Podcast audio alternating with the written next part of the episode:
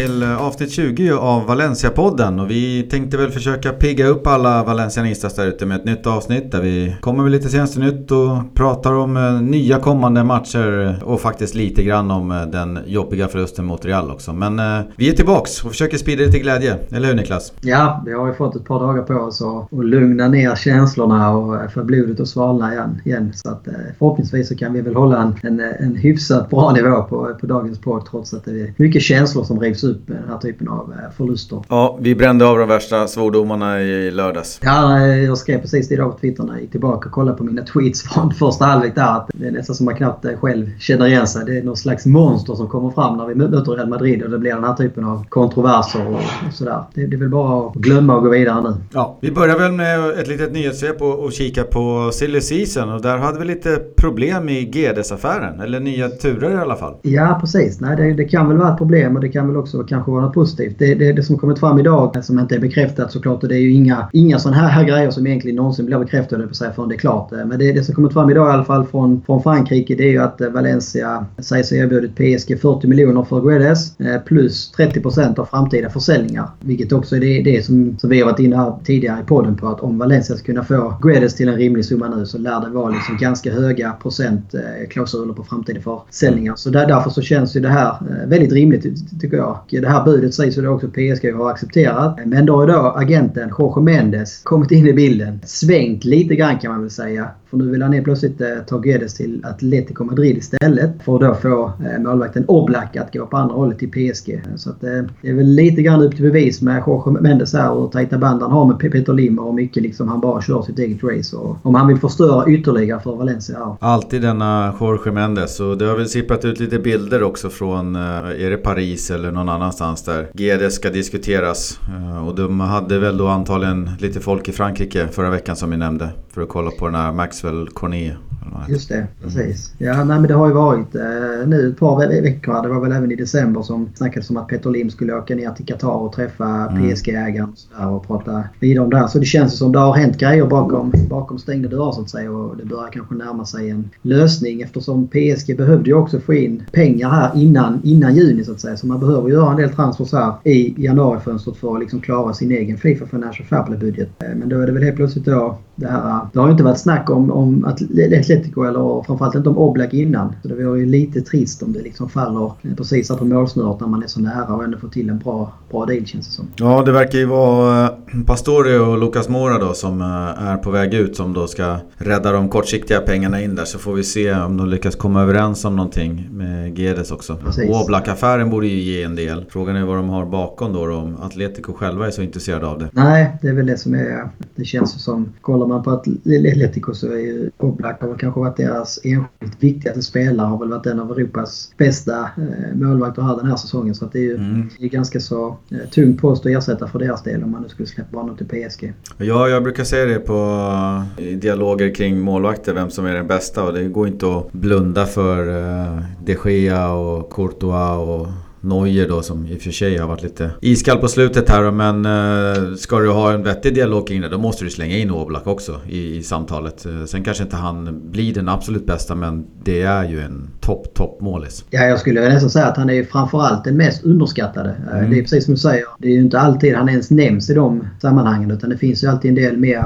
profilerade målvakter kanske som De Gea och de här som du eh, nämner. Och mm. Jag tycker Oblak är kanske den, den mest jämna och stabila på något sätt. Sen så är det väl också... Det, det, det är klart att det, det, är alltid svårt på något sätt att jämföra målvakter Eh, kan jag tycka. För att de är ju väldigt beroende av sitt försvar också såklart. Mm. Vi vet att, att Atletico Madrid har ett extremt bra försvar. Eh, jämför då med United kanske som släpper till betydligt mer chanser och sådär. Så dels så släpper säkert De Gea in mer mål. Eh, men han får ju också kanske göra fler räddningar som syns om man säger så. Mm. Oblak är väl mer den här stabila, tråkiga målvakten kanske som, som sällan bjuder på no no någonting men gör kanske inte heller de här TV-räddningarna på något vis. Nej, han hade någon där, en trippelräddning. Jag tror att det var Champions League mot Dortmund förra året som är helt fantastisk. Ja, Om man vill se hans talanger så kan man googla Oblak triple save. Ja, nej, jag, håller, jag håller nog honom lätt topp tre i världen och mm. absolut eh, bäst i Spanien. Ja, jag, eh, jag håller med. Eh, sen har vi väl Apropå folk på väg ut, vi snackade lite hastigast om det förra gången att Nacho Vidal kanske och eh, Maximovic, vad tror vi händer där då? Hur, hur tänker han själv? Ja, det är lite lurigt. Vi har pratat om honom flera gånger här och nu, nu blir det väl ännu mer aktuellt när fönstret är på väg att stänga och nu har vi sett att Carlos Soler är tillbaka och eh, Coquelin har kommit in så att eh, det är ju frågan hur Maximovic själv tänker och hur Marcelino ser honom så att säga. Han har ju spelat en del ytter här i Solers frånvaro men nu, nu börjar det bli trångt på kanterna också när alla är, är, är skadefria och det är liksom är Copa del Rey möjligtvis två veckor till kanske eh, med dubbel, dubbelt spelschema så att säga. Och då är det väl inte omöjligt att Maximovic kommer få speltid i någon av tävlingarna. Eh, men sen under hela våren så kommer det bara vara ligaspel och en omgång i ve veckan så att säga. Och då känns det som Maximovic är ganska så långt ner i kön. Ja, jag tycker det. Om vi tänker på, på högerkanten då så har ju eh, Pereira och Soler huserat och sen har du ju då på centralt fält har du ju Kondogbia Parejo och sen har du nu Coquelin. Och på vänsterkanten har du väl Gedes och, och mot Real var det väl eh, Lato men det är väl inte att se som en mittfältare direkt. Men där någonstans ska ju Maximovic fundera på om han kommer få ta en tröja och få, få sina minuter. Jag antar att på hans radar just nu, i och med att han har ett fyraårigt kontrakt med Valencia, så tänker han att jag måste spela för den här våren för att få spela för Serbiens landslag i VM. Så att om jag får tippa här och nu så tror jag att han lämnar eh, på lån för en annan klubb fram till sommaren.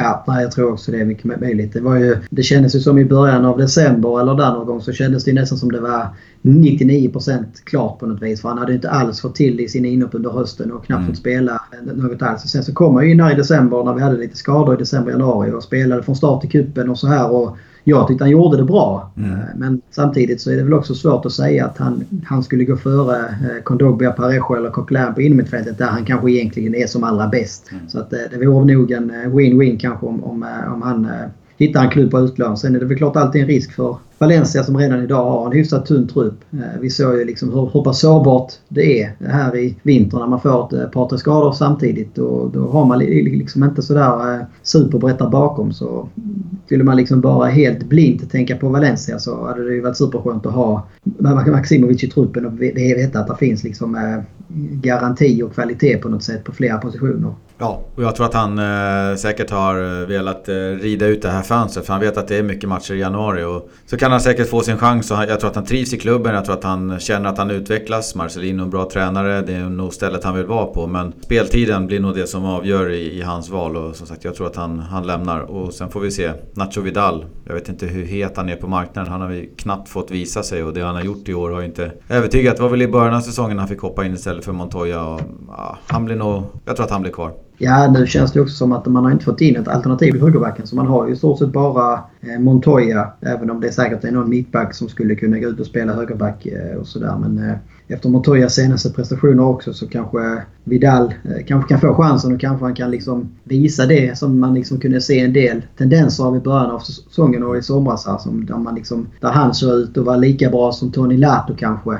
Men det är klart att han i den åldern så behöver han ju också speltid för att kunna utvecklas. Och den här sparsamma speltiden han fått i höst tycker jag har varit lite konstigt för att Montoya har ju liksom inte heller, det är inte bara nu mot Real som han var katastrofal utan han har ju sett ganska så stabbig ut flera gånger i höst. Eh, men, men Vidal har ju liksom inte fått chansen knappt liksom från, från start i Copa-matcherna. Så det, det är någonting eh, som inte riktigt eh, klickar hos Marcelino med Vidal känns det som. Ja, någonting är det. Det är som sagt, Montoya har varit den överlägset svagaste länken och, och, att liksom byta ut honom någon match kan ju tyckas... Uh, det är ju en no-brainer om du ja. har ett alternativ. Men Nacho verkar inte vara ett alternativ för, för Marcelino. Så att, uh, ja, vi får se. Kanske en segunda-klubb för honom då skulle vara bra med, med rikligt med speltid. Ja, precis. Jag tror det är precis som eh, Nacho Gil här som gick till Las Palmas. Så att, eh, kanske en klubb på nedre halvan i premiären eller en segunda klubb och spela liksom regelbundet hela våren så att han kan komma tillbaka i sommar och vara redo för eh, Valencia kommande säsong som en startspelare. Mm.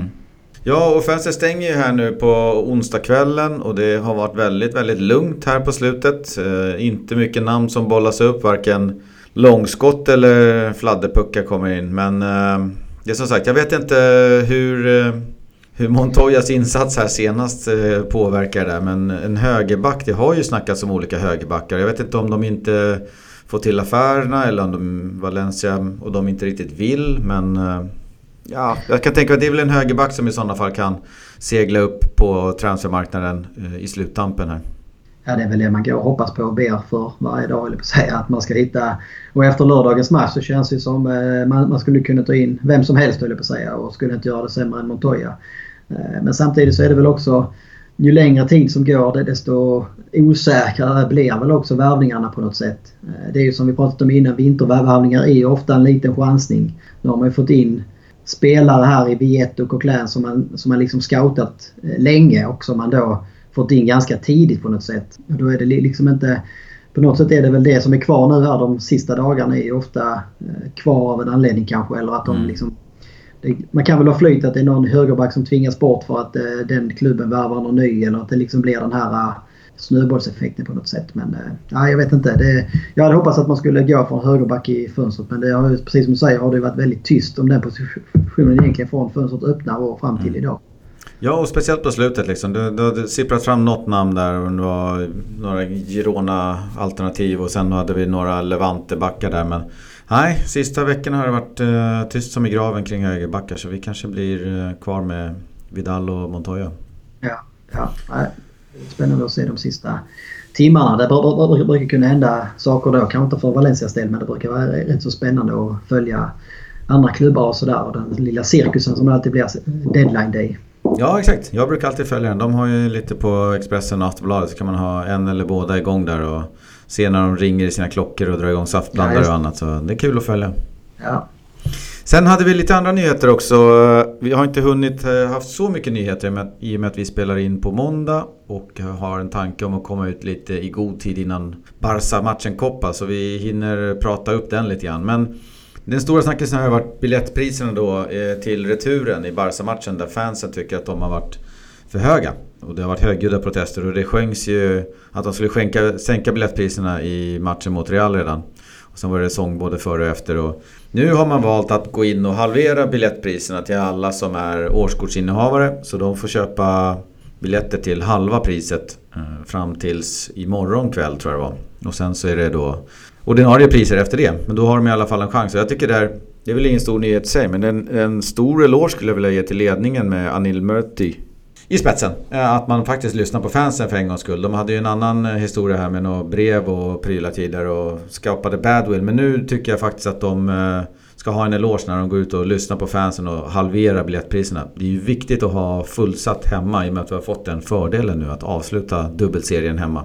Ja precis, jag skulle säga både det, den aspekten och också av liksom behålla den här äh, relationen med fansen på något sätt och mm. faktiskt visa att man inte sitter på kontoret och liksom inte har örat mot asfalten som man brukar säga utan att man, man tar till sig det här och man erkänner att, äh, att man gjorde fel och att man också kan, äh, kan ändra sig så att säga. Det, det tycker jag är, är väldigt, väldigt bra alla, ur alla synpunkter istället för att man får missnöjda fans som kanske ska bojkotta någon match eller som liksom skapar mer oro än, än, än stöd inne på arenan. Så att det, det blir en bra lösning på det hela. Ja, och speciellt i år så har ju alla spelare och tränare i varje mening och andetag nästan hyllat fansen och draget på Mestalla och hur viktigt det är att ha, ha fansen bakom sig. Så att eh, ja, ett fullsatt eh, Mestalla kan nog vara en stor hjälp i jakten på en kopparfinal. Absolut. Sen hade vi Gedes. Vi såg att han eh, tog sig lite åt baksida lår där. precis efter att han hade skjutit bollen, eller det var Navas som räddade den precis utanför och så vart det ingen hörna. Då satte han sig ner på gräset där i, efter det och eh, sen utgick han i paus. Ja, det måste vara någon slags eh, förhoppningsvis försiktighetsåtgärd med någon slags muskelskada. Man blir ju sådär i paus om det var en ren petning så att säga. För han var ju inte särskilt bra heller. Men det blev uppenbart sen att det var att han hade känning i sitt lår eh, och därför gick, gick av. Men vad jag kunnat läsa mig till idag så är det väl inga rapporter om att det skulle vara någon någon allvarligare skada. Mm. Sen är det väl frågan om man vågar starta med honom redan på torsdag här mot eh, Barcelona eller om man vilar honom till helgen istället. Det återstår väl att se de närmaste dagarna om man ska göra olika test kan jag tänka mig. Ja, och det var ju väldigt skönt att höra att det inte var någon större grej att han skulle vara borta en längre tid utan möjligtvis säkerhetsvila mot Barca men sen bör han kunna spela uh, mot Atletico i helgen. Sen har det uh, angående Parejo, kanske ingen större nyhet heller. Han har ett kontrakt som sträcker sig till 2020 och han är 28 år redan nu så att då blir han ju i min skalle då, 30 eller 31 då. Eh, när det avtalet går ut. Men det har ju redan börjat snackas lite grann i kulisserna om en förlängning eller att man ska piffa upp avtalet på något vänster. Och Parejo är väldigt intresserad av att stanna kvar och pratar i termer om att han är skyldig valencianska folket och fansen att liksom leverera och stanna kvar. Men säger väl samtidigt att kommer det ett erbjudande så måste man ju se över det också. Ja, det känns ju som att eh, man börjar väl kanske se att när Parejo kommer upp i 30-årsåldern dels så kanske han inte har samma kvalitet längre och det är väl också många som i den åldern börjar se sig om och så att säga ta något sista lukrativt kontrakt i Kina till exempel och då vill väl Valencia kanske, har man ett bra kontraktslängd på spelaren då eh, så kan man ju också förhoppningsvis få, få en bättre summa när man väl vill sälja honom. Sen är det väl också det här klassiska att man liksom vill eh, visa liksom någon slags uppskattning. Han har varit väldigt bra i år. Viktig spelare. Han är lagkapten. Eh, att, att hans så att säga kontraktslön eller kontraktssummor eh, hela tiden. När det kommer in nya bra spelare så är det klart att summorna kanske hela tiden höjs och då är det väl också ett tecken på att man kaptenen och de viktiga spelarna som, som liksom eh, spelat där tidigare också ska eh, få del av den höjningen på något sätt så att man inte hamnar i någon konstig hierarki på något vis. Ja. Så vi får se vad som händer där. Det är nog ingen brådis eh, kring de bitarna. Varken nu eller eh, till sommaren. Men eh, någonting lär väl hända. Sen har vi några små, små puckar som kommer. Valencia Mestalla har faktiskt nu efter helgens kryss åtta raka kryss i Segunda B. Det måste väl vara någon sorts rekord. Ja, man kan ju välja att se det som att man har åtta raka utan förlust. Ja, så kan man säga. 13 kryss av 23 matcher. Så att några tre poänger till skulle behövas. Och vore det kul att få upp dem i Segundan istället. Där det är lite mer... Eh, alltså det kanske... Det, det, frågan är vart man vill ligga. Menar, ligger du i Segunda B så kan du ju ha betydligt yngre lag eh, på banan hela tiden och, och valla fram ungdomar. Och har du i Segundan så, så behöver du ha lite mer slagkraftigt lag och sådär. Så att... Eh, ja, de ligger där de ligger i alla fall.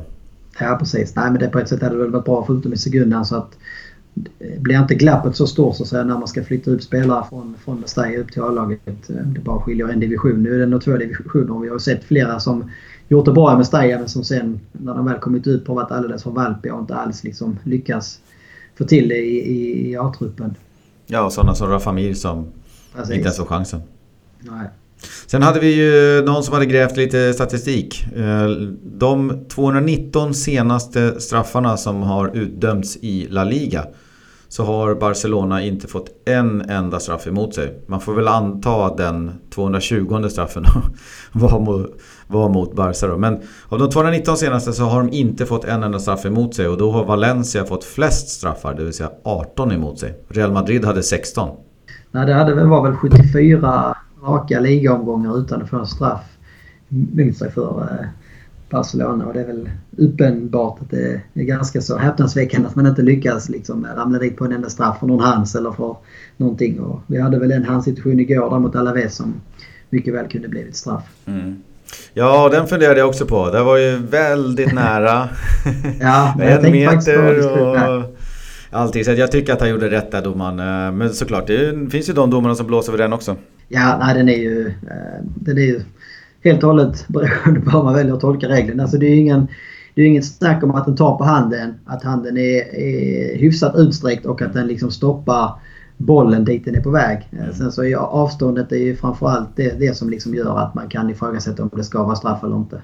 Ja, för då har du avståndet som, som är för kort och dessutom så hinner han på det avståndet eftersom det är ett skott också. Så hinner inte handen söka bollen. Så då är det två parametrar som säger nej. Och så har du en då som att den, alltså ja, jätteutsträckt är den inte men den är ju ut från kroppen lite grann. Så den ja. kanske indikerar straff. Så det är en av tre parametrar som indikerar straff, kan jag tycka. Sen är det frågan om man hade blåst om det var i andra straffområdet. Exakt. Nollan måste ju hållas intakt. Barcelonas straffnolla. Och sista lilla grejen vi hade det var ju att eh, allas våran eh, Jocke Björklund nu är klar för eh, Hammarby Bayern som assisterande ja. tränare. Ska ta hand om backlinjen.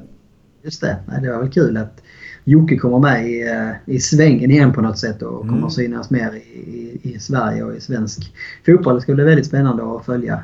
Får väl se om det blir lite pendling för honom då kanske. Vi, mm. vi vet ju att han har hela familjen nere i Valencia och sådär så att jag skulle väl kunna tänka mig att eh, det är Jocke själv som kommer eh, flytta till Stockholm kanske på prov och se hur det funkar. Jag tror inte att de har med sig hela familjen direkt kanske för när vi pratade med honom eh, det var, det var liksom inte alls så. De hade inte ens någon lägenhet i Sverige och de var ju väldigt sällan i Sverige och kände, det kändes inte som att de liksom gick och längtade efter att flytta hem direkt utan snarare tvärtom. Så där, därför kändes det väl kanske lite oväntat men Samtidigt så är det väl också ett steg i ledet för Jocke som kanske då vill bli tränare och få chansen att liksom vara assisterande i ett allsvenskt lag. Det är väl en väldigt bra eh, start på det och komma upp i seniorfotboll. Ja, jag tror det. Men som sagt, pendlingen där blir så. Jag tror inte det går något direktflyg mellan Stockholm och Valencia heller. Utan det är alltid någon... Det har börjat nu, Ryanair till Köpenhamn i alla fall. Jag vet inte om de går till Skavsta med kanske. Ja, jag tror inte det. Jag är lite osäker. Men ja, när jag har kollat så har det inte gått några direktflyg. Så det är väl det. Och sen så som sagt pendlingen där. Och hoppet kan ju vara ganska stort från akademifotboll. Och jag tror att han var väl andra tränare där också till att nu hoppa in i, i Bayern då. Men eh, landslags och spelarerfarenheterna, de har han ju. Så får han ju se ja. vad han kan bidra med och skruva på lite grann. Eh, det är ju vettigare att ta en sån här roll än vad Ryan Giggs och de här hoppa in direkt liksom och ta förbundskaptensroller. Så nu får han ju jobba liksom med, med 6-7 killar som, som är backar eh, enkom liksom och slipa dem lite grann. Och det, det, det tror jag att han kan. Ja, och det är väl lite kul också att det är lite, eh, kommer in lite nya namn i svensk mm. fotboll så det inte är samma tråkiga eh, Jingblad och allt vad de heter som liksom mm. går runt eh, mellan olika klubbar. Så får de kicken på ett ställe och så går det ett halvår så är det kris på någon annanstans och då, då, då kommer Lennartsson in där och sen så Peter Svärd Alltså det, det är samma samma tunga, tunga tunga, tråkiga gråa namn på något sätt. Så jag tycker det, det, det är skoj att det kommer in lite nytt. Ja, och Jockes uppgift blir väl att vara den tråkiga, den som eh, ser till att det inte svänger om Bayern. Precis. Ja. Stabilisera, slut med klacksparkar och det ska inte svänga om Bayern. Nej, det är väl det, det som känns. Han känns inte så mycket Bayern över Jocke Björklund. Det är kanske det, det som blir hans roll också. Att liksom vara den motpolen och balansera ner det på något vis. Mm.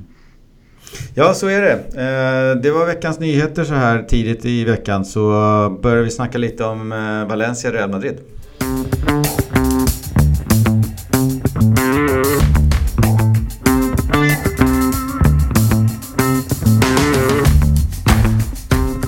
Kika lite på Valencia Real Madrid som spelades i helgen. 1-4. Det var ju Ronaldo på straff, Ronaldo på straff och sen hade vi en eh, fin och påpasslig nick av Santemina innan eh, Marcelo och eh, Kroos avslutade matchen. Marcelos mål var väl en liten tabbe av Neto. Men om vi tittar på lite positiva grejer för matchen så hade vi ju ett fint tifo. Det var ju väldigt bra drag på arenan så att det var den gamla fina hatstämningen när storlagen kommer på besök. Ja, det var länge sedan eh, jag i alla fall kunde minnas vi hade ett sånt här stort ordnat fint tifo faktiskt. Mm. Eh, det var väl inget riktigt på samma vis mot eh, Barca eller Sevilla fast det var liksom mycket folk och hela stämningen runt omkring så var det inte... Man hade inte tifo på samma sätt i alla fall. Så det, det är liksom skoj att det är tillbaka också. Sen hade vi Coquelin som mittback. Vi, jag var lite nyfiken förra avsnittet på att se han som mittback och det funkade bra tyckte jag. Absolut. Alltså det, man får tänka på att dels är det ovan position för honom och dels har han varit i, i, i laget i två veckor eller någonting bara. Som med det eh, sammantaget och då ställas mot Real Madrid också som i sina bästa stunder är ett av eh, världens eh, starkaste offensiva lag. Så tyckte jag att mm. hans, hans insats var faktiskt väldigt bra. Och det är liksom inga målen på något sätt som jag klandrar honom för eller några ingripanden sådär som inte fungerade. Det märks att han är en ganska smart spelare. Han, han försöker inte göra det svårt på något sätt. Han spelar enkelt, han följer med i markering och så här. Och, eh, det var väl mer man var orolig för lite positionsspelet men det var heller inte några sådana där stora grejer som lös igenom tyckte jag. Jag tyckte han eh, sög upp väldigt många bollar liksom. Det kom in bollar så nickade någon iväg. Så han tyckte han sög upp dem väldigt bra och fördelade dem till Parejo och Kondogbia. Och satte igång det fint. Så att han, eh, han städade upp där i mitten på ett fint sätt. Och nu vet vi då att om eh, mittbackarna igen får för sig att dra på röda och grejer så har vi Coquelin som kan funka. Ja, nej, men det är väl skönt. Och det kanske var väl också tanken när man tog in honom på något sätt här att, eh, att han skulle kunna vara ett alternativ där bak också eftersom eh, det var väl inte på innermittfältet som det var liksom en super eh, superbehov av att värva egentligen. Eh, vi hade liksom två bra. Vi hade en Soler som kunde gå in och, och spela där andra behövdes var Maximovic. Eh, så att det, det är väl jag tycker det är fint när man värvar de här spelarna som kan spela på mer än en position. Ja, och sen så har vi ju eh, Santemina då som eh, sliter hårt för att överbevisa dig om att han är en inhoppare. Ja, han börjar faktiskt, eh, jag börjar faktiskt mer och mer gilla det jag ser om man säger så. Mm. Det är ju alltså, det enda jag har sagt egentligen, eller nu, nu ska jag inte försöka släta över någonting, men jag, jag, jag har tyckt att han har gjort det bättre som inhoppare än som startspelare. Mm. Nu tycker jag att han gör en väldigt bra insats sist. Han, han springer och sliter och river och han är väl den som första halvlek kanske framförallt visar mest eh, passion och energi på något sätt. Eh, som många andra Valencia-spelare saknar vilket är lite konstigt i en sån här match. Men vi kommer väl in på det lite senare. Mm. Eh, och han får göra ett fint mål igen. Han är ju han är ju inte så jäkla lång men han är ju ändå giftig på huvudet. Han gör mål på, det var väl hörna nu med och det var väl också sist mot eh, Las Palmas. Jag tycker att han har den här lilla Just i, i målchansläget och det är klart han missar någon chans då också men han, han känns som den här som han vet att nu kommer min chans och då kommer han ge precis allt som går. Han slänger skallen framför en skruvdobbar och gör precis ja. vad som helst för att få till en touch på bollen och få till det där målet. Eh, och det är ju en talang att han inte liksom är rädd om näbben i, i tuffa lägen. Eh, och där, där tror jag hans talang lite grann ligger. Att han, eh, han har det där. Och när, när han kommer fri också. Väldigt fokuserad och så klinisk i, i, när han rullar in i stolpen. Så, här, så att, sen, kan jag, sen kan jag hålla med dig också. Han försökte flera gånger i Montreal också springa rakt igenom spelare. Ja, han, Istället han för att passa. Han har ju sina uppenbara brister också. Mm. Men det, det som jag också tror med honom det är väl att som startspelare funkar han kanske bättre mot ett eh, bättre motstånd på något sätt när Valencia ska spela den här typen av fotboll. När vi möter ett sämre lag som ligger samlat så passar inte Santimina lika bra på något sätt. för att eh, han är inte...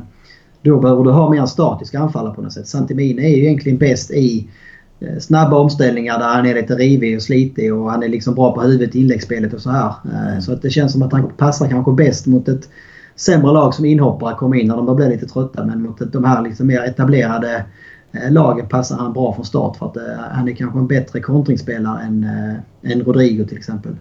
Ja. Sen så är det väl konstigt att inte, tycker jag fortfarande då, uh, lite konstigt att inte Sasa startar som mm. brukar vara extremt bra i denna typen av uh, matcher. Det var länge sedan han startade i La Liga. Jag, jag hade det på känn lite grann med att han fick 120 minuter mot Alaves. det är lite mycket kanske för att spela en match tre dagar senare. Men ändå, nu har han ju verkligen blivit en koppaspelare bara. Han ja, och det... Jaume. Eh, vad det som har hänt. Jag antar att han får spela på torsdag igen mot Barcelona. Ja det känns ju så. Eh, nu har det liksom blivit, det var som vi var inne på innan, nu har det blivit Såklart är det inte helt omedvetet men det har ju blivit, blivit så här nu på något sätt och då är det svårt att helt plötsligt äh, köra Santimina äh, och, och, och, Rodrigo från start på torsdag kanske som då borde vara slitna. För att sen då köra Sasa Vieto. Det, det blir liksom, då, då, då, blir det två i rad på alla. Så ska man spela varannan match så blir det så här att mm. Sasa och Vieto får se sig liksom som kopparanfallare till att börja med. Och sen när, när ligaspelet drar igång på allvar höll jag på att säga. Men när, när koppäventyret inte är så här intensivt som det är just nu så blir det väl intressant att se vilka två anfallare som är startspelare. Men Santimina har ju verkligen tagit eh, chansen här när han har fått den. Ja, och jag tror just nu med dubbelmöte mot Barcelona så kan det ju vara kul att vara en kopparspelare men eh, annars så, så, tror jag nog eh, Sasa gärna ser att han får eh, chansen i ligan också och öka på sin målskörd där. Ja, nej, men då det kommer ju säkerligen få här under våren när Eh, när, när vi bara har en match i veckan så att säga så, så kommer han få sina, sina starter i, i ligan och då gäller det bara att han hittar tillbaka till den formen han hade innan så är det ju ingen som kommer att peta på honom heller där. Eh, men det är ju det är väldigt kul att se att vi har liksom då Sasta på 10 mål och Rodrigo på 9 och Santimina på 8 här. Att alla tre anfallarna har ju levererat. Eh, och då har ju Santimina minst antal spelminuter på sina mål då så att det är liksom svårt att klanka ner på honom för mycket. Ja, så är det. det, det han gör sitt till. Sen hade ja. vi även eh, Carlos Sorel. Soler gjorde ett eh, välkommet inhopp. Han behövs verkligen framöver tyckte han. Eh, såg pigg ut och, och företagsam. Hade väl någon, något skott och någon bolltouch som var lite tveksam. Men eh, otroligt kul att se han tillbaks. Eh, speciellt då när han var inne i andra halvlek så tyckte jag att Valencias eh, spel lyfte rejält. Ja, men det var väl egentligen det mest positiva från den här tillställningen. Det var ju den här perioden i andra halvlek när Soler kommer in och man får den här reduceringen och man ser liksom i Solers löpningar och hans spelintelligens och allting att, eh, att man har saknat honom rejält. Och då, då ska man liksom komma ihåg att han har väl knappt spelat eh, fotboll här på två månader och liksom slängs in mot Real Madrid i halvlek och gör det så pass bra ändå. Så att det, eh, det blir väldigt tydligt att eh, det är en viktig spelare och eh, det är väldigt skönt att han är tillbaka. Sen är det synd att man liksom inte vaknar förrän i andra halvlek och att det liksom ska krävas ett underläge 2-0 för att den här liksom passionen och energin ska komma fram på något sätt. Mm. Eh, men, det, men Solers inhopp var väl kanske det mest positiva här. Och I den här perioden där man, där man gör reduceringen och trycker på så har man ju också något riktigt bra läge att göra 2-2. Uh, Keylor Navas gör ju någon väldigt fin fotparad på Parejos avslut efter ett ett otroligt klapp-klappspel i Valencia som hade kunnat bli ett riktigt klassiskt mål. Och sen så då när Valencia kanske egentligen är som allra bäst känns det som. Så kommer den här kontringen och 3-1 helt mm. ologiskt. Och, ja, då är det väldigt kämpigt eh, att liksom jobba sig tillbaka efter det rent eh, psykologiskt. Ja, Rodrigo hade väl någon eh, karatekicks liknande eh, läge som han skulle ha satt på mål men den gick skyhögt över. Sen hade vi lite negativa bitar från matchen också. Vi ska inte blunda för att det fanns en hel del minustecken där. Vi tyckte väl både och att, eller båda två att Gedes var blek på sin högerkant för dagen. Han kom inte alls upp i sina tidigare nivåer. Och Kondogbia spred lite bollar runt omkring sig och var generellt slarvig. Ja, framförallt i första halvlek tyckte jag Kondogbia mm. var väldigt nonchalant på något sätt. I andra halvlek tyckte jag han och Parejo, ja, liksom hela laget på något sätt höjde sig. Eh, men eh, jag håller helt med dig om att de var inte bra i första halvlek och det går väl även att Eh, slänga en slev Gulac, höll på att säga, på mm. Neto i målet som, mm. som vi hyllat innan. Men nu tycker jag han gör inget bra intryck. Precis som du sa innan så tredje målet här går ju mellan benen på honom och det, det, det är väl ett skott som han ska ta. Han har en krock i första halvlek där han springer in i Garay där det egentligen är lite tur att bilen inte utnyttjar det bättre. Så det var väl ska Valencia vinna en sån här match så gäller det liksom inte att man bjuder på de här enkla målen på något sätt. Och Keylor Navas vann ju väldigt klart målvaktskampen om man säger så. Det blev ju också avgörande skulle jag vilja säga. Så när hade han räddat den så hade man ju haft i alla fall en ja, 10 minuter till eller 5-7 minuter till på sig och ösa på för en kvittering. Men där släcktes ju allting. Så är det. Och det, det kommer ju så psykologiskt också precis när det känns som Valencia trycker på. Man har fått in 2-1 och man bara fortsätter att trycka på, trycka på, trycka på. Och vi har ju sett Real Madrid. De har haft problem i andra halvlekar där man tappat ledningar och där man liksom gått ner sig rent fysiskt och psykiskt på något sätt. Så det känns som hade man bara fått 5-10 minuter till så hade man tryckt in 2-2. Det vet fan om man inte hade vunnit det här för att eh, mm. Real Madrid kommer liksom helt, helt skakat till den här omgången. Men nu får man det här lilla flytet med sig med två straffar och då eh, är liksom det här 3-1 kontringsmålet som... Och jag menar att det står 3-1 då känns ju i mitt tycke, nu är vi ju klart färgade i, så som det är men det är ju liksom ingenting som speglar matchen att det står 3-1 till Real då. Skulle man liksom Nej. bara se hur matchen ser ut och målchanser som skapas så är det, är det helt otroligt att det står 3-1 faktiskt. Så är det. Eh, sen kan vi kanske inte riktigt blunda heller för eh, Montoyas insats som var katastrofal. Och jag tror att det var första gången eh, i år som eh, Super Deporte delade ut en trea till en spelare. Ja, klart nej. underbetyg. Alltså, det är, alla målen är på hans kant. Det är två... Sen kan man diskutera vad man tycker om straffarna men den ena rammar han ju är det Benzema och den andra kapar han ju Ronaldo så att det är ju... Ja, det var ju två väldigt klumpiga straffar eh, och han är väl inblandad i de andra målen också på något sätt. Ehm, Marcelos mål kommer från hans kant bland annat. Så det var väl länge sedan som en enskild spelare var så pass eh, delaktig i en förlust på något sätt. Det var väl också väldigt, väldigt länge sedan som han man faktiskt nästan kunde sitta och sakna Barragan på högerbacken. Och det säger väl en del om Montoyas insats på något vis. ja. Sen så går det väl heller inte riktigt att eh, blunda för domarinsatsen. Eh, mm. Nu när man har lugnat sig lite så kan man väl kolla på det lite mer nyktert. Och jag gjorde faktiskt det så pass nyktert att jag på söndag kollade om hela matchen igen. Jag spelade mm. förbi en del eh, tråkiga sekvenser eller körde det på lite snabb, snabbsekvens. Men jag tänkte jag ville se det som jag liksom upplevde under lördagen om jag också på samma vis med lite mer distans och lugnare så att säga tyckte det var på samma sätt på söndagen. Eh, och det jag tycker om straffen, första straffen är ingenting att säga. Det, det man kan säga om det, det är att den är helt, helt onödig. Ja, ja, jag, jag tror aldrig att Ronaldo gör mål om han släpper honom där. Nej. Och det, det, det, är så klumpigt straff på något sätt. Det är många spelare runt omkring så släng dig ett skott eller vad som helst. Men du behöver inte ta en straff i det läget. Eh, sen det, det man kanske ska ta med sig från den straffen det är ju att det, det kommer ju till efter en hörna som är helt horribelt misslyckad. Eh, där man liksom inte alls är med på, på omställningen och tillåter då Real Madrid som när man har de här spelarna så vet man att Real Madrid är kanske eh, världens bästa lag på kontra. Och Ronaldo får bollen med liksom hela planhalvan i stort sett tom. Ja, det, så kan man inte släppa dem och sen så är det ingenting som försvarar Montoyas insats där. Men det är så många misstag i situationen på något sätt.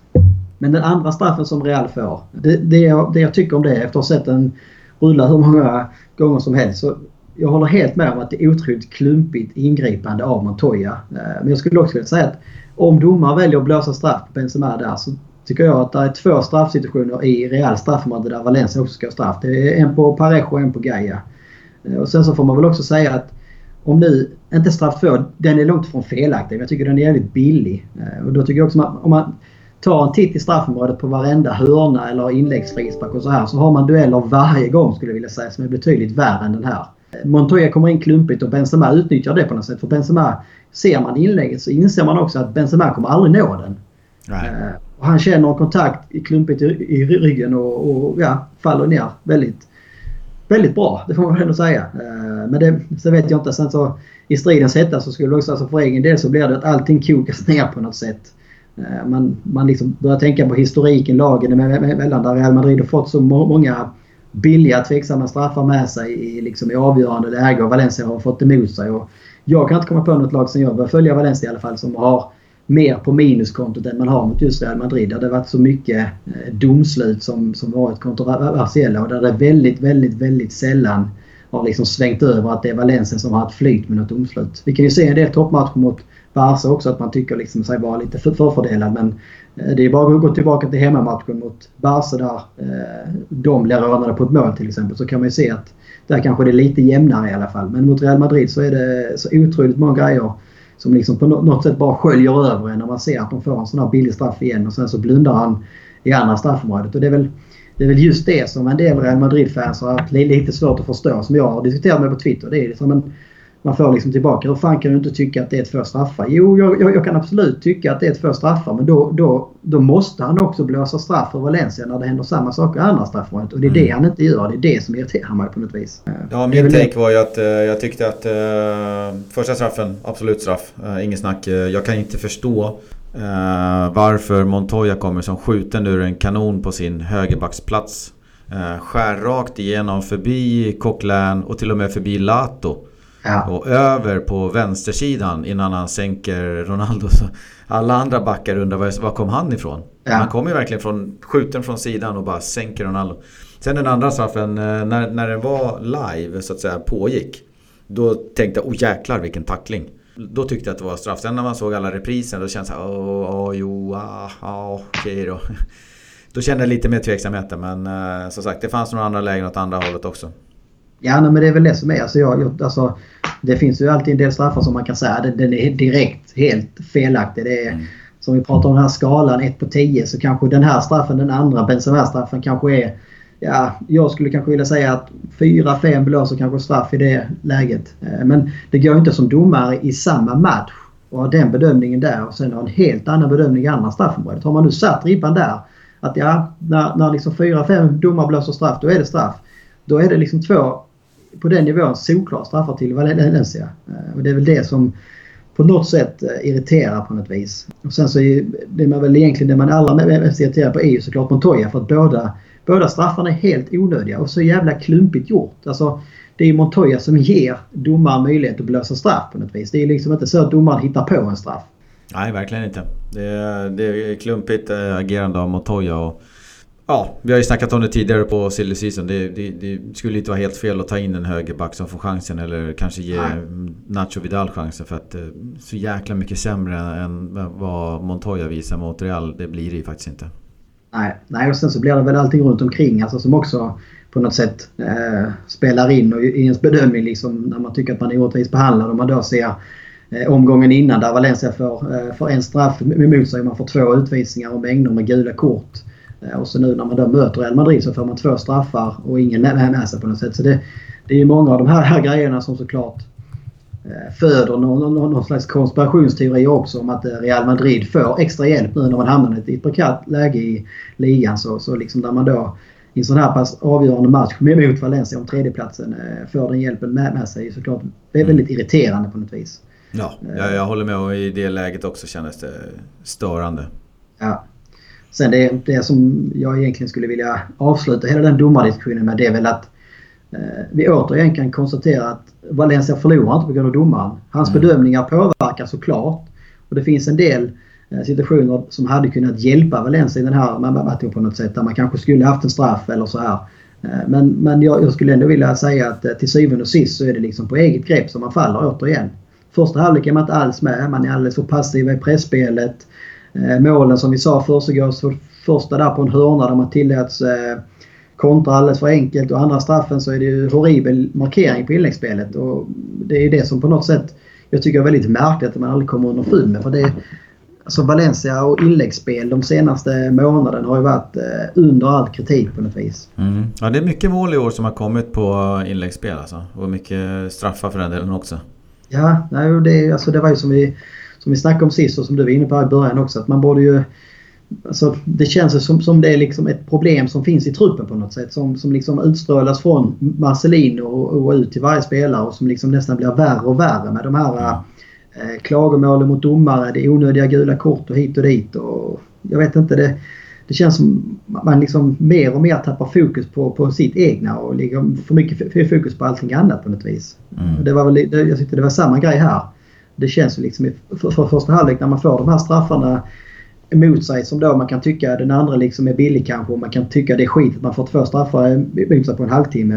Eh, men det känns också som att man låter det påverka alldeles för mycket istället för bara ja, nu är, nu är det 2-0 underläge, nu är det vad det är, nu bara kör vi. Så dröjer det liksom fram till en pausvila eh, och ett par byten i halvlek och så här. Och så kommer man ut i andra halvlek och då helt plötsligt kan man se att man börjar köra igen och man liksom släpper handbromsen på något sätt och man, man liksom ger det en chans. Mm. Och den, den intensiteten och energin måste ju finnas från början, framförallt i en sån här match. Och det är väl det som, som jag tycker är oroväckande. Att det känns som det är någon slags trötthet i laget. Alltså in, intensitet och energin är inte alls densamma som det var i höstas. Och passionen saknas helt. Vilket är alltså möter Real Madrid på hemmaplan och man ligger före dem i tabellen. Det, det ska liksom, du ska ju kunna gå på varje cylinder. Oavsett om du sprungit en maraton dagen innan så ska du liksom ändå kunna ge 130% i en sån här match och få en riktig urladdning. Mm. Jag vet inte vad. Det är, det är klart att det är väl en del som hänger ihop med att det varit väldigt tufft spelschema här med koppäventyret och, och så här. Och, eh, kollar man lite krasst på det så kan man ju också se att det var egentligen när koppäventyret för Valencia drog igång i december eh, och fram till idag så har ju laget presterat mycket, mycket, mycket sämre i ligan. Så man har ju inte riktigt haft Eh, förmågan att kunna fokusera liksom på en match i taget på, på något vis. Utan det har blivit lidande både i koppen där man liksom eh, med nöden eh, näppe slog ut Alaves och nu i, i ligan där man tagit, jag tror man tagit 9 poäng på, av 24 möjliga på slutet. Så att det, det är ju liksom inte alls, man, man agerar inte alls som det topplaget man gjorde i höstas. Verkligen inte. Vi kan väl avsluta det, den matchen med... Jag såg några bilder på angående straffar. Det var väl Adorit som gick omkull i straffområdet för Bilbao och reser sig direkt upp och viftar avvärjande med fingret till domaren och säger det där var ingen straff så, så blås inte. Stort! Kul att se. Man gillar Adoris på många sätt och man gillar inte honom mindre direkt efter en sån grej. Det känns som en väldigt, väldigt fin och ärlig spelare på något sätt som är eh, väldigt svårt att inte tycka om en sån spelartyp. Ja, men då gör vi väl ett bokslut och vänder blad här då. Så kikar vi lite framåt istället. Det tycker jag.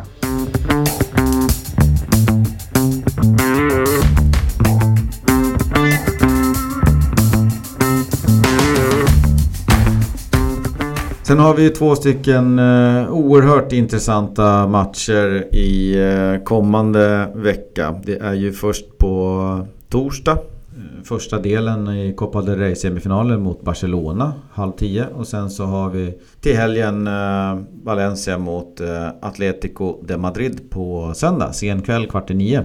Vi börjar väl med Barca-matchen då. Jättekul med dubbelmöte. Vi börjar borta, får avsluta hemma. Eh, ett gångbart resultat är ju det enda som räknas. Ja, det var väl... Eh, jag vet inte om vi hann prata om det sist, men det, det var väl tuffast möjliga lottningen som vi mm. fick här. Eh, samtidigt på något sätt om man liksom ska vara helt, helt nykter på det här så var det kanske också en ganska rättvis lottning totalt sett. Leganes hade ju väldigt tuff lottning förra omgången när man slog ut Real Madrid. Sevilla hade ju också väldigt typ, tuff lottning där man slutat Atletico Madrid. Valencia och Barca hade då på pappret enklare där man mötte Espanyol och Alaves. Så att, eh, nu, nu var det de som fick den tuffa i semin så det var väl ändå kanske lite rättvisa på något vis. Ja, och lyckas man mot Barcelona så står ju vägen till Copa-guld öppet för Valencia och eh, motståndaren i den andra som kommer, ja, Sevilla eller eh, Leganes då. Ja precis. Ja, det var väl positiva var väl att man får avsluta hemma. Det brukar ändå kunna vara en fördel att och liksom ha ett, eh, ha ett, ha ett mästare i ryggen när det ska avgöras. Så det är precis som du sa i inledningen här. Det gäller väl bara liksom att, att få med sig ett resultat som går att tro på och går att spela på så att man inte åker på någon jäkla eh, riktigt tung smäll här och förlorar med 4-0 eller någonting. Ja, då blir det tufft att ta med den hem sen till till hemmamötet. Men, men, men, kan man liksom kryssa eller allra helst vinna då så vore det ju fantastiskt. Men kanske 2-1 i Barcelona eller 1-0, det, det, går ju liksom. Ja, det skulle vara otroligt kul om det levde.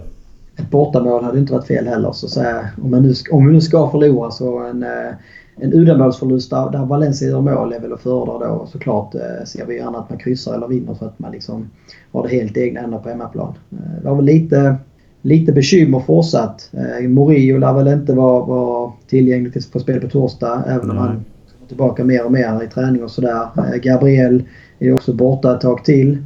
Eh, det är väl Vesso som då kommer tillbaka från avstängning här i, i helgen som lär bilda mittbackspar med Garay. Jag vet inte riktigt hur det var. Garay fick ju en smäll där när han krockade med Netto. Eh, mm. Det, får väl se här hur, hur pass äh, återhämtad han är eller om Coquelin får spela mittback igen kanske. Ja, jag tror, hoppas väl på att Garay kamperar där tillsammans med Veso. Ja, det är, det är ju Garay som har varit den eh, stora stöttepelaren framförallt när Moria har varit skadad så är det ju när Garay har spelat som det ändå sett någorlunda bra ut i mittförsvaret. Ja, sen hoppas man att Soler kanske ska få komma igång på sin kant och Sasa lär väl få starta. Vad ser du helst i anfallsväg? Jag vet inte vad man ser helst men det, alltså, det känns ju som rent spontant så kommer det bli Sasa Vieto. Det är de som har blivit kopparanfallarna på något sätt. Mm. Eh, sen var ju Vieto oerhört blek i eh, kopparreturen i Alaves. Eh, där han väl spelade 60 minuter och syntes inte någonting höll jag på att säga. Eh, men eh, samtidigt så behöver man väl eh, få igång honom. Man har ju varvat honom här i vinter. Och man har inte varvat honom för att han ska sitta och frysa på bänken hela tiden. Så att han behöver speltid, behöver komma in i laget. Så att jag är ganska övertygad om att han och Sasa startar och sen så är det väl inte omöjligt att eh, eh, Santimina och eller Rodrigo liksom kommer in och gör ett inhopp de också. Ja, med tanke på att det är Atletico och att Vieto kommer därifrån så får vi se huruvida han spelar då eh, på ja. söndag. Så då kan det tyda på att han får speltid på torsdag då.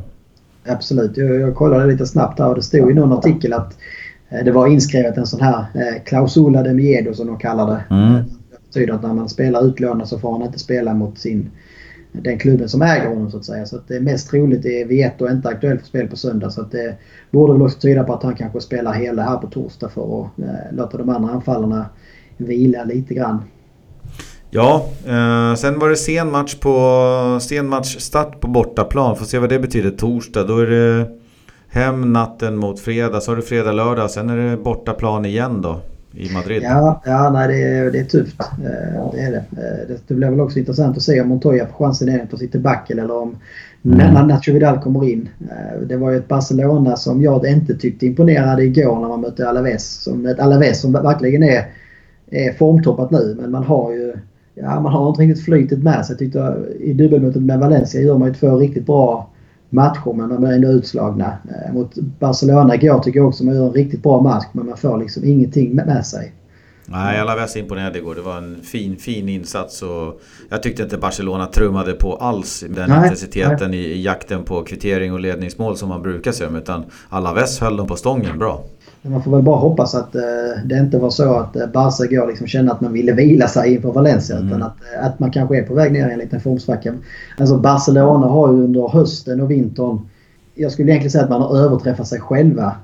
Man är ju, man är ju ett väldigt starkt lag, absolut. Men den liksom, tabellraden som man har och de resultaten som man har gjort har varit lite, lite, lite, lite grann över det man förtjänat kanske.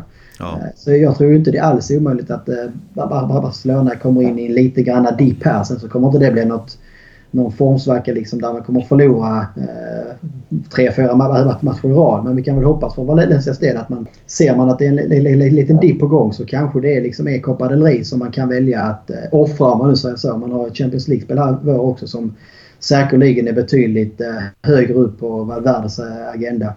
Ja, så är det. Och eh, tror du att Barcelona kommer ställa över någon spelare? Eller kör de eh, fullt ut nu med bästa laget och sen match i helgen igen? Det känns som man har ju ett derby här till helgen mot Espanyol och det är mm. klart att man, man, man, vill, man vill vinna sina derbyn. Eh, samtidigt så har man ganska betryggande ledning i ligan på något vis. Så att det är ju liksom inte så att man, eh, man har kniven mot, mot strupen i, i, i ligan och behöver liksom ta tre poäng. Men Ja, jag, tror, jag tror man kommer att köra ganska så fullt lag här i hemmamatchen för att försöka få med, med sig ett så pass bra resultat att man kanske då istället tänker att man ska kunna vila spelare i, i, i returen. Ja, jag tror också alltså starkt lag kommer det med, så är det ju bara. Eh, och om eh, Barcelona vill eh, någonting så, eller rotera någonting så tror jag att de i sådana fall möjligtvis roterar andra och, och tänker sig att kanske ha en 2, 3, 4 nolla med sig hemifrån. Så att de bränner nog krutet på hemmaplanen och sen hoppas de att det kan ta lite lugnare på bortaplan sen. Exakt, det tror jag med. Det blir all in på hemmaplan. Och det är ju också, det är väl det som är synd för Valencia att det fortfarande är Eh, jag tror Barcelona spelar väl 20 februari åttondelsfinalen i Champions League. Så det är fortfarande mm. ganska långt fram. Man behöver inte tänka på det riktigt än. Hade Champions League legat här kanske om 10-14 eh, dagar så hade det blivit eh, lite mer aktuellt för dem att liksom börja planera även för det. Och då som sagt kanske inte Copa del Rey varit superprioriterat på samma vis. Men nu, nu känns det som att Valencia kommer liksom behöva möta upp det starkaste Barcelona har. Ja, nu är det ju för Valencia, eller för Barca så är det Copa-match den här veckan, Copa-match nästa vecka. Och sen mitten i veckan därpå så är det då inom citationstecken eh, ledigt. Och sen är det helgmatch och sen är det Champions League. Så att de har eh, hyfsat där, så de behöver inte vila allt för mycket kanske. Nej, det känns inte så, tyvärr. Men det blir spännande. Den eh, ska vi alla hålla ögonen på. Gå ju på i Viasats kanaler. Bekväm tid när familjen har gått och lagt sig och sådär. Man får bara se till att hålla sig vaken själv då. Matchen slutar väl eh, halv tolv kanske ungefär. Jag får väl hoppas att det är en så här hyfsat eh, kontroversiell fri match. Jag har oerhört svårt att somna. Alltså ja. om, eh, om nu Valencia-Real Madrid hade varit vid den här tiden så hade det tagit många timmar innan man kunnat somna i lördag ska jag säga. Man går upp i varv och man liksom har en puls på 200. Då tar det ofta ett par timmar innan man är nere på någorlunda eh, normal andningsnivå igen. Det ska inte vara helt omöjligt att det blir så mot eh, Barcelona heller kan jag säga. Det brukar vara rätt heta matcher där också. Ja. Ska vi kika lite på Atletico? Där har vi då eh, också en oerhört viktig och tuff match. Atletico Madrid borta på söndag kväll, kvart i nio.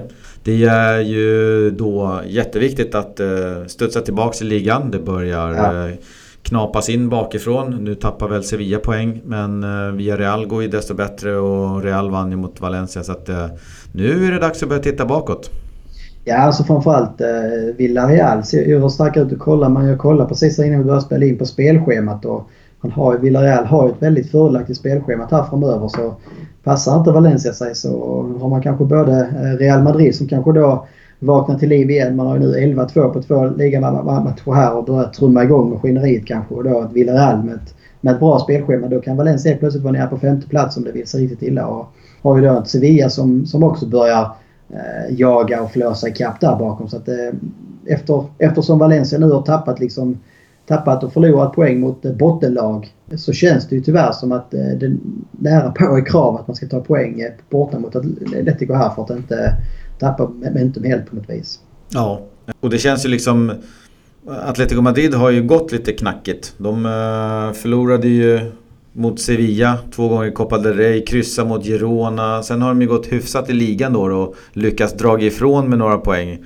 De städade av Las Palmas med 3-0, vilket man tycker att Valencia också skulle ha gjort. Men vi, nu vet vi hur svårt det är. Eh, kanske beroende på straffar och röda kort i och för sig, men eh, de gjorde det jobbet som Valencia inte gjorde. Eh, så jag tycker att de verkar vara ändå i hyfsat slag och det blir en svår nöt borta på Wanda Metropolitano. Ja men så är det. Du vet, kollar man på deras tabeller har man satt in nio mål på 21 omgångar. Mm. Uh, så det är liksom en defensiv som är... Och jag vet inte hur månmånga av de nio som är på hemmaplan. Det är väl kanske max hälften då dessutom. Så att, uh, det är ju...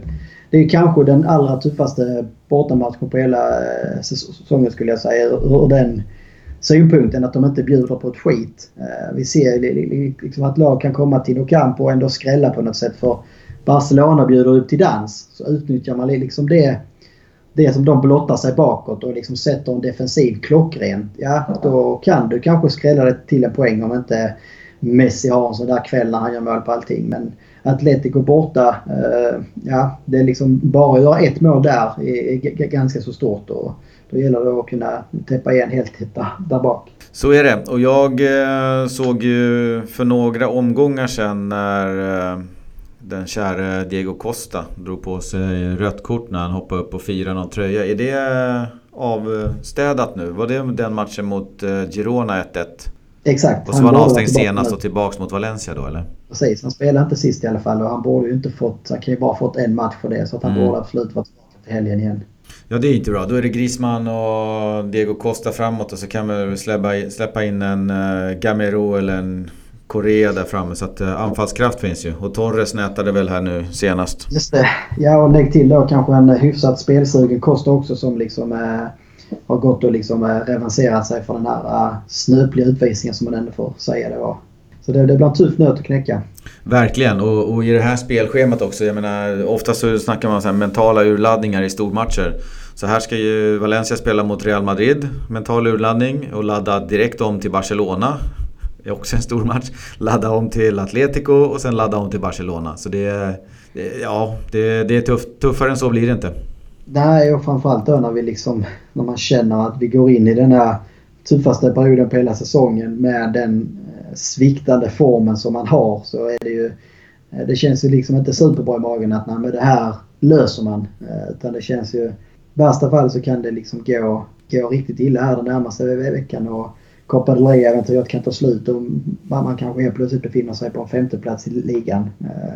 Så det, nej, det är liksom en ganska ångestfylld period som ligger framför oss. Samtidigt så tror jag att eh, Marcelino försöker prata med spelarna och försöka få dem att eh, försöka njuta av, av, situationen. Att vi befinner oss faktiskt eh, trea i tabellen. Vi eh, är i en semifinal mot eh, Barcelona i Copan. Ja. Och, och liksom stormatcherna, de står som spön i backen. Och det här kommer vi sakna sen. När det går lite tuffare någon gång och så vidare. Så det är bara att passa på. Vem som helst eh, kan få passa på att bli hjälte. Liksom. Ett mål i de här matcherna, då blir du hjälte. Ja, nej, men så är det. Alltså, så är det, det är helt, helt rätt som du säger. Det är ju liksom och se det här som finaler och framförallt kanske då dubbelmötet mot Barcelona där, eh, där de flesta väl nästan redan har räknat bort eh, Valencia även om mm. Barcelona har varit lite ödmjuka och sagt liksom att det kommer bli en tuff match och så här så tror jag de flesta ser Valencias form och, och den eh, säsongen som Barca gjort än så länge så är det väl få som tror att Valencia ska kunna välta Barca över två omgångar. Så att här är det verkligen läge att och liksom, eh, få nya hjältar kliva fram och liksom skriva in sig i historieböckerna. Så är det. Uh, och, och, de har ju snackat om att varje match är en final hela året. Men uh, nu, nu är det verkligen en final varje match. I alla fall de här fyra stora. Ja, nej, verkligen. Sen hade vi ju Veso, är väl tillbaka från avstängning. Och Soler lär ju kanske få lite starttid. Uh, så får vi se då. Om Vietto får chansen. Annars har vi de tre anfallarna och då kan man ju tycka att Salsa borde starta och, och, kanske en Rodrigo. De två har ju skördat framgångar tidigare under hösten. Precis. Då får vi väl se om Morio, det pratades innan om att han skulle kunna vara aktuell här i början av februari. Så får vi väl se om han är aktuell för startplats eller han kanske finns med på bänken i alla fall i, i till helgen. Ja, så var det med det. Sen så har vi ju eh, våran lilla scorecast. Men innan vi går in på den så hade jag en uh, liten rekommendation som jag skulle vilja gå ut med och det är ju Peña Che Scandinavia. De, uh, det. det. är ju en officiell supporterklubb. Det betyder att de, man är registrerad i de officiella rullarna. Man får ett uh, litet kort som man får lite rabatter i shoppen och, och, man blir så att säga, man blir en, en officiell Valencia Peña.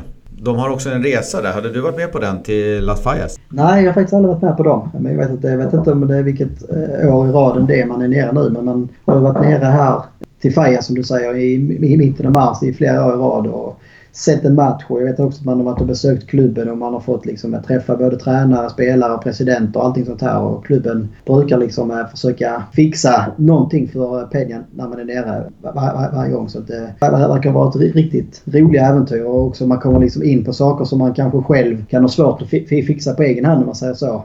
När man då har pengen i ryggen.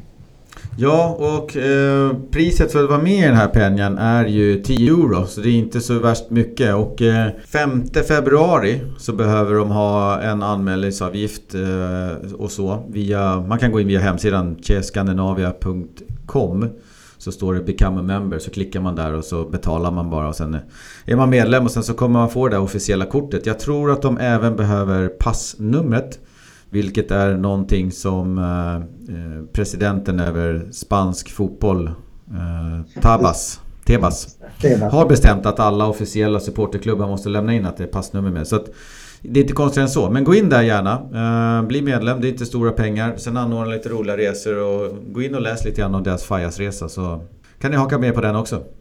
Ja, nej, men det kan vi verkligen till att börja med rekommendera att bli medlem här. Eh, mm. Det är också så, det, det, desto större denna pengen är desto mer grejer kan man ju göra och desto mer eh, aktiviteter och så här kan man, kan man dra igång och vara med, med på. Så att det, det är bara att få med sig alla sina Valencia-nissar som går med här. Ja, det är kul att det, att det finns en sån. Att de eh, eldar på lite och sådär. Absolut. Men då hade vi lite tipset. Eh, riktigt sorgebarn. Ja, vi har inte varit sådär heta på sistone. Nej, du hade 3-2 med Rodrigo. Jag hade 2-2 med Parejo och det var ju inte ens i samma ballpark. Nej, 2-2 var resultatmässigt kanske närmast då. Om man hade mm. fått in kvitteringsmålet där så eh, tror jag inte det är omöjligt att det hade slutat 2-2. Eller 3-2 då kanske. Eh, mm. Men, ja, vi får Men Rodrigo och Parejo var inte nära mål. Nej, det kan man väl inte påstå. Men vi kör väl en, en dubbeltippning här då. Om du eh, bränner loss ett tips mot eh, Barcelona då? Ja, Barcelona borta det är såklart oerhört tuff match. Eh, men jag tror ändå att man lyckas gneta till sig en, en 1-1 match. Mm. Och med sig det till Mestalla. Barcelonas offensiv igår var, var, var sådär bländande som det varit innan kanske. Så att, kan Valencia liksom åka dit och ställa bussen höll på att säga och få till en fin eh, kontring så Bollman kunde få med sig ett bra resultat. Eh, och då sätter vi Veto som målskytt. Ja, det skulle ju vara passande. Iskall en stund här och så, så kliver han in. Uh, jag känner lite grann att jag behöver komma ikapp. Så jag ska vara så jäkla tråkig och, och tippa på en 0-1 förlust. Det är som att svära i kyrkan. Ja, det är ju det. Men samtidigt så känner jag att 0-1 är borta mot Barcelona. Det är görbart. Det är ett okej resultat. Ja, jag tror inte att någon är så besviken på det liksom. För det är ändå bara halvtid där och då. Ja. Alltså är det på förhand så skulle man absolut vara nöjd med det. Sen så skulle det vara att Valencia dominerar och Barca vinner på en feldomsstraff i 94 minuten och blir 1-0 så kanske man inte är så nöjd med 1-0. Nej, verkligen inte. Uh, jag, jag tippar inte på att det blir en straff. Jag tror Barca vinner med 1-0 och uh, min minst favoritspelare av nästan alla i hela världen, Suarez, gör mål. Ah, ja, det hoppas jag inte. Nej, inte jag heller. Men det är det jag tippar i alla fall. Sen ja. så kan väl jag köra Atleti-matchen. Det där blir ja, en uh, tung historia. Och jag tror att det blir 1-1 i den istället. Och där tror jag att den gode Santemina, vi kör han. Han, han har stor chans. Jag tror inte att han kanske får spela nu mot Barca utan de kör han mot Atleti borta så kan han kontra in en balja. Ja, jag tror faktiskt att det blir ett målkalas här. 4-4. 4-4? Nej, nej. Tänkte väl. Ja, det hade varit helt, om det blir det så är det helt sjukt. Nej, jag tror att det blir en eh, tillknäppt historia. Eh, jag tippar ju som alltid med hjärtat så jag säger 0-1. Ja, men det är inte helt otänkbart heller att eh, det blir en tillknäppt tillställning och då kan ju vem som helst peta in en, en boll. Liksom. Frågan är vem som gör det. Ja, jag satt ju och funderade på här. Ja, jag säger Sasa. Jag har haft den ett par gånger. Det är dags för han nu. Jag tror att han är väldigt sugen på att göra mål i La Liga länge, igen. Ja, det var länge sedan jag gjorde mål faktiskt mm. i ligaspel. Ja men då så, då tar vi och bommar igen kiosken här nu och häng med oss. Vi har haft lite folk som tjoar och kimmar och frågar oss saker på Twitter, Instagram och Facebook. Så fortsätt med det. Svenska fans ja. lägger vi upp artiklar. Vi stänger väl igen ett vintertransferfönster här på onsdag eller torsdag med en artikel. Precis. Och så får vi se, kanske Niklas kommer med någon eh, bejublad krönika. Och sen så glömmer ni inte cheskandinavia.com. In där och bli medlemmar. Innan ja. den 5 februari så får ni det officiella supporterkortet från Valencia också. Eh, vad det lider på posten. Kan väl slänga ut en länk på vår Twitter där också till Cheskandinavia så att man mm. Det tycker jag absolut. Så får ni, får ni länken där och det var superenkelt att bli medlem. Så kör på det. Och därmed så tackar vi för oss och kör en sedvanlig Hasta luego. Hasta luego.